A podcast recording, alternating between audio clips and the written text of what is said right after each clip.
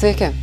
Migracijos departamente baigiamas tyrimas, kas ir kodėl duoda leidimus gyventi tiems, kam duoti nereikėtų ir neduoda, kam tikrai reikėtų.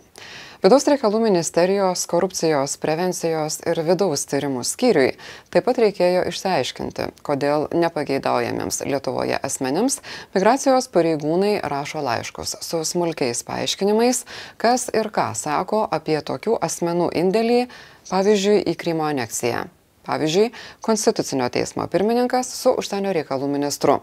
Pokalbis apie tai su vidaus reikalų ministru laidoje visai netrukus. Tuo tarpu pats migracijos departamentas per pusę metų išsiaiškino, kad maždaug penktadalis užsieniečių įmonių, kurios tampa pagrindu gauti leidimą gyventi Lietuvoje, fiktyvios. Mes irgi pasiaiškinom, kad leidimų gyventi Lietuvoje Rusijos piliečiams Alitaus apskrityje duodama ko ne tiek pat, kiek Kauno. Ir pradėjome ieškoti Dzukijoje naujųjų verslo slėnių, kuriuose kuria verslo arba kitokie migrantai iš Rusijos federacijos lengva ir paprasta, kitaip negu aplinkos ministrui įvykdyti druskininkų mero paliepimus, nebuvo. Tarpininkų siūlančių padėti gauti leidimą gyventi Lietuvoje ne vienas. Štai ir išduotų dokumentų pavyzdžių tarpininkai prideda. Bet tik va, akis užkliuvo už vienos detalės. Beveik visi dokumentai išduoti Alitaus apskrities vyriausiojo policijos komisariato migracijos skyriaus. Pažiūrime statistiką ir matome, kad keistai didokam skaičiui Rusijos piliečių būtent Alituje atsiveria durys į gyvenimą Lietuvoje. Gal sutapimas, gal iš tikrųjų Rusijos piliečiams Alitaus apskritis traukos centras, o gal čia yra tokių skylių, pro kurias lengvai pralenda tie, kurie leidimo gauti neturėtų. Tikriname. Pirmiausia, aiškinamės, kas dirba šiame skyriuje. Pasirodo, tai ko ne valstybės paslaptis. Skambiname Alitaus policijos atstoviai, liepia rašyti laišką, kuriuo paaiškintume, kodėlgi mums reikalinga žinoti šios skyriaus darbuotojus. Rašom. Gaunam labai iškalbingą ir informatyvų atsakymą. Visa informacija telefonu. O šiuo numeriu lietuvių, anglų ir rusų kalbomis teikiama informacija migracijos klausimais. O dar ir šiaip tai yra bendras policijos telefonas. Toks pareigūnų 118. Rašome atgal, kad nei toks numeris, nei pateiktas atsakymas netinka.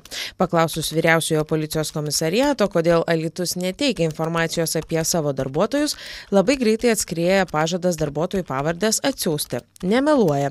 Bet dėl visų kitų klausimų ir paaiškinimų, kodėl čia tiek daug Rusijos piliečių gauna leidimus gyventi Lietuvoje, nusiunčia į migracijos departamentą. Departamento vadovė prašo rašyti laiškučius su klausimais, o kol laukiame atsakymų, ieškome Rusijos verslų Alitaus apskrityje. Alitaus miesto meras ir vicemeras išvykę, todėl nėra žmogaus, kuris pasakytų, kokie verslai čia veikia.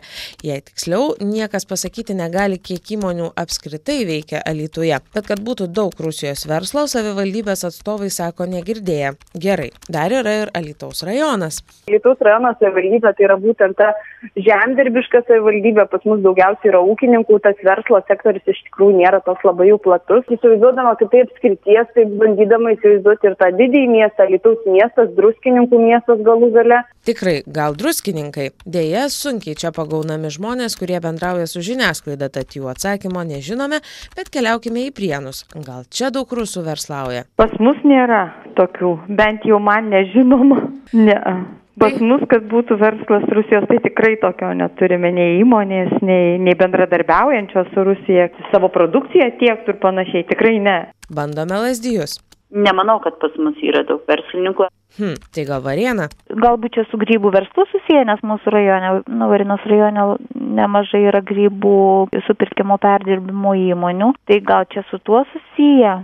Na va, gal grybauja čia rusai bet pagaliau ateina migracijos departamento paaiškinimas. Alytaus apskrityje pagal leidimus gyventi lietuvoje pirmauja druskininkai bet reiktų atkreipti dėmesį į tai kad tai yra užsieniečių gyvenančių lietuvoje statistika. Ukrainiečiai pasamdyti renovuoti daugiabučius jonavoje ją irgi įeina. Be to čia susumuoti keleri metai. Vienas ir tas pats asmuo kuriam leidimas gyventi buvo atnaujintas anot migracijos departamento vadovės gali būti priskaičiuotas kelis kartus. Dar ji pabrėžia kad prašymus čia gyventi tikrina visos šešios akys. Tad praslysti sukčiams sunku. Galų gale akylas ir departamentas.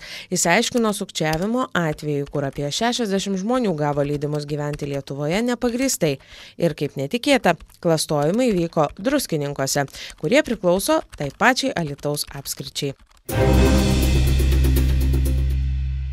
Migracijos departamento direktorė yra buvusi liberalų sąjūdžio, o kam dabar lengva - žmogaus teisų komiteto pirmininkė.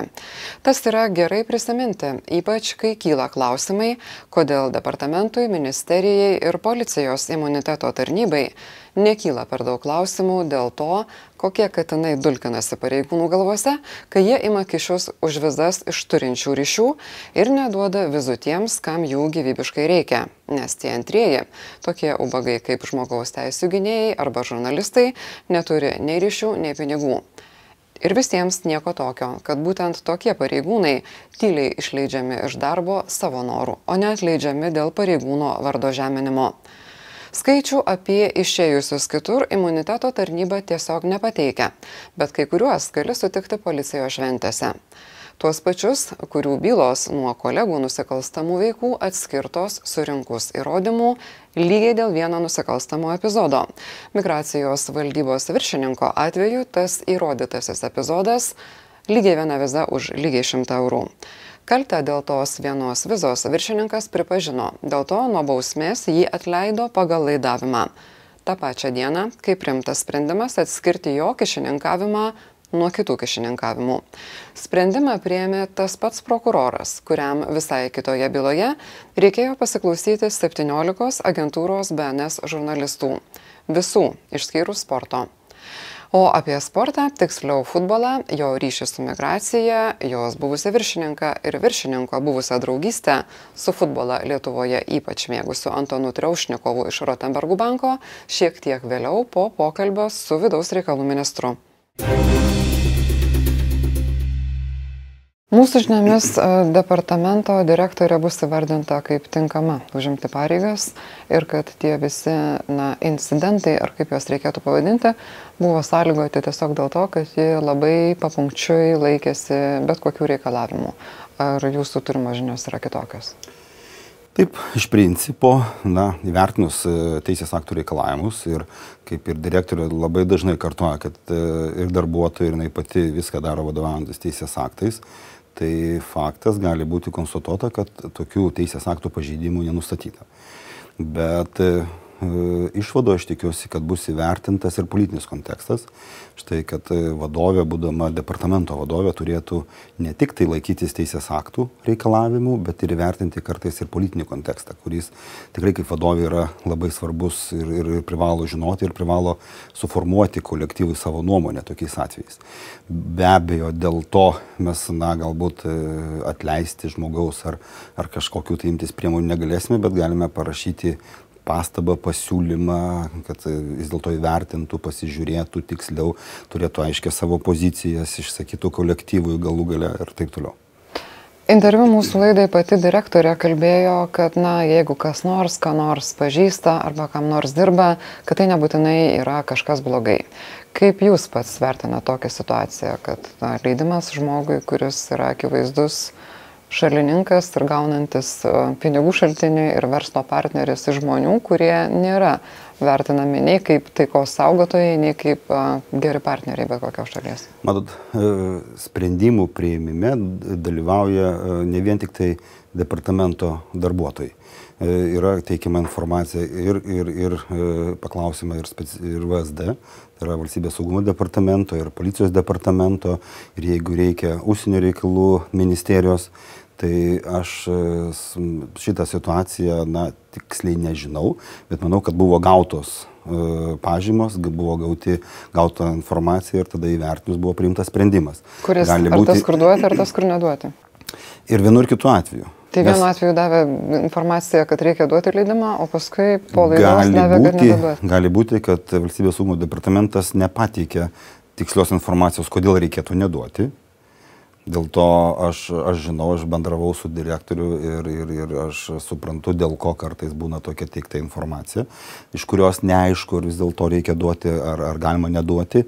Bet matote, jeigu būtų parašyta aiškiai, kad toks, toks yra asmo, na, Lietuvoje nepageidavimas ir jam reikia neduoti. Tai faktas, kad... Ir tada nereikia priimtų... migracijos departamento, tiesiog pasieniečiai duodam tą sąrašą ir ramu visiems. Iš principo, galbūt ir taip. Bet, bet matote, vėlgi, aš suprantu, kad darbuotojai migracijos departamento vertina situaciją truputėlį plačiau ir vertina ir teismų praktiką ir iškart pagalvoja, kad nu jeigu neduos, kaip tai atrodys teisme. Ar pakankamai bus argumentų teisme pasakyti, dėl ko jie nedavė. Nes tikrai... Tai reikia surinkti tų argumentų, kad atrodytų pakankamai.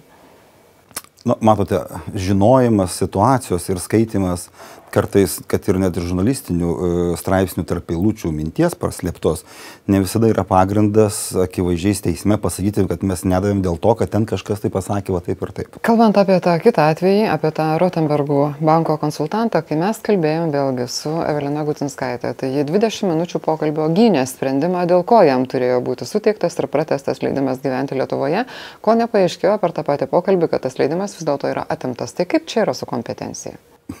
tai aš galiu labai, labai gal žmogiškai pasakyti, tai 20 minučių jinai tikėjo, pasakojo savo tikėjimą, kodėl tą reikėjo sprendimą priimti, duoti, o per kelias minutės pasakydama, suprato, kad pasakydama, kad vis dėlto buvo galbūt ir kitokia informacija, arba buvo, sakykime, na, tarsi iš kažkur kitur nurodymas atimti tą sprendimą. Dėl to jinai natūraliai, aš suprantu, kaip vadovė pasakoja, įsigilinusi į situaciją, labai aiškiai gynė, bet sako, nu, taip išėjo, kad vis dėlto mes atėmėm, nes kažkas mūsų įpareigojo ir mes atėmėm. Tai ir kažkokiu momentu mes nustojom, nustojom tikėti tuo, kuo tikėjom tas pirmas 20 minučių ne, nu, ir 10 metų. Aš jau negaliu pasakyti jau, jau apie, apie direktorius tikėjimo lygį. Kitą kartą gali priimti vieną sprendimą, bet tikėjimas gali būti kitoks. Čia, žinokit, nerodo jos tikėjimo, to, tuo sprendimų pasikeitimo. Premjeras Saulis Karnelis, kai dar buvo vidaus reikalų ministras, prieš dviejus metus jis jau irgi siūlė panaikinti migracijos departamentą, atiduoti funkcijas iš esmės policijai. Ir tai buvo padaryta po to, kai buvo pradėtas tyrimas, vėlgi liečiant ne tik departamentą, bet ir policijos migracijos valdybą.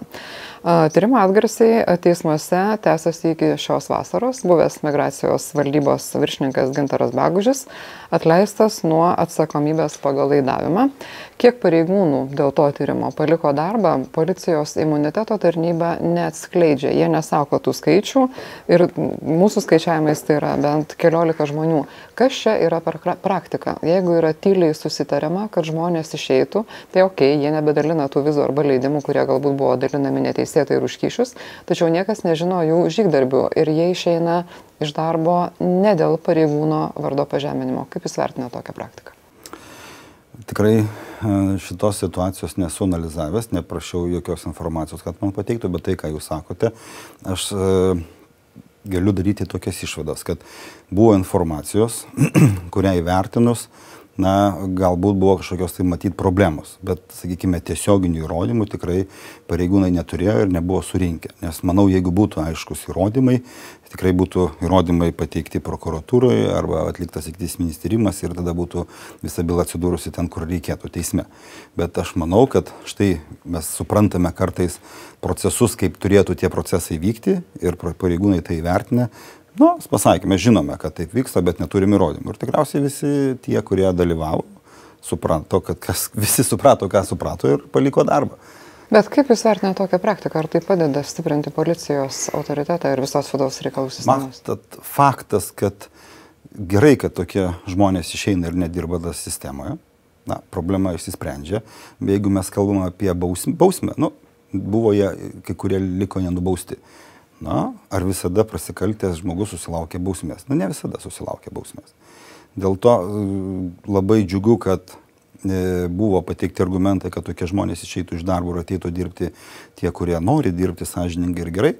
O, o dėl bausmės, na, tikriausiai neturėjo įrodymų, ne, nebuvo bylos ir susilaukė, ne, nes, nesulaukė bausmės. Teko argumentų įtikinti išeiti iš darbo, tai gal aktyviau padirbėjus būtų galima tuos argumentus paversti įrodymais. Matote, mes kalbame, yra būna informacijos ir slapta informacija surinkta, kuri, kuri galbūt nepakankamai, nepakankamai gali būti pagrista tiesioginiais kažkokiais įrodymais. Ir, ir, ir, ir vėl, nu, aš negaliu komentuoti, nežinau visos situacijos, bet tiek, kiek man tekia yra na, sakykime, domėtis arba turėti reikalų su slapta informacija, su, su, su uh, žvalgybinė informacija ir, ir, ir tada vertinti kitus įrodymus, tai būna taip, kad žvalgybinė informacija kažką rodo, bet kažkokių tai tokių įrodymų tiesioginių nėra. Bet ir su žvalgybinė informacija teisme, žinote, ne visada gali tą bylą laimėti. Bet gali pasistengti, kad ta žvalgybinė informacija virstų įrodymais. Yra specialių Taip, priemonių fiksuoti veiksmus tam tikrus. Tikriausiai tęsiant tyrimą, sakykime, stebint vėlgi galima kažkaip, tai tikriausiai taip, bet manau, e, tyrimas buvo vykdomas, e, buvo surinkti įrodymai iš tai vadovo atžvilgių ir, ir, ir e, tyrimas tikriausiai baigėsi surinkus pakankamai įrodymų vadovo atžvilgių. Dėl vieno kiti... atvejo, dėl lygiai vieno atvejo pareigūnas padėjo visą savo karjerą liktorinę, liktol trukusią ir dėl to vieno atvejo, jūs kaip sakėt, gavęs argumentų, jis pripažino kaltę ir išėjo. Ir visi tiki, kad atvejis buvo lygiai vienas. Nu, ar visi tiki, negaliu aš pasakyti. Ar jūs tikit? Aš, o netikiu. Netikit? Aš ir netikiu. Buvęs Vilniaus apskrities vyriausiojo policijos komisariato migracijos valdybos viršininkas Gintaras Bagužės, tas pats, kuris paliko darbą pradėjus tyrimą dėl kišininkavimo migracijos valdyboje, dabar yra ekspertas Lietuvos vežėjų sąjungoje. Migracijos ekspertas. Patirtis gatvėje nesimėto, be to kaltę pripažinęs pareigūnas tikrai neturėtų likti be darbo. Ypač jeigu tik vieną kartą, norėdamas kam nors padėti, už tą pagalbą paėmė šiek tiek pinigų. Gintaras Bagužis dar vadinamas oficialiu migracijos pareigūnų futbolo komandos įkvėpėju prieš porą dienų sakė, kad galbūt per futbolą susipažino ir su Antonu Triaušnikovu, bet dar tada, kai Rusija buvo draugiška šalis, o dabar jie nebendrauja. Pažintis iš viso esanti fragmentiška. Vienas iš tų fragmentų yra kasmet sveikinti žmogų, su kuriuo nebendrauja ir reguliariai užsukti pažiūrėti, kuo gyva jo virtuali erdvė. Tiesa, Antonas Gintaro puslapyje rodo kur kas mažiau iniciatyvos ir net nelaikina jo grybų. Kažkaip velniškai neorų po to dėl pareigūnų. Užtat džiugu dėl sporto. Šioje istorijoje jis sujungia policininkus, buvusius ir esamus, ir sakiau jam, kam šiandien lengva liberalus, irgi buvusius ir esamus. Ir per kai kuriuos liberalus dar prideda truputį verslo ir klubinės kultūros ryšio su Lietuvoje gyventi bent kol kas negalinčiu Antonu. Šiandieną tiek. Ačiū, kad žiūrite, ačiū, kad remite. Pasimatysim po savaitės.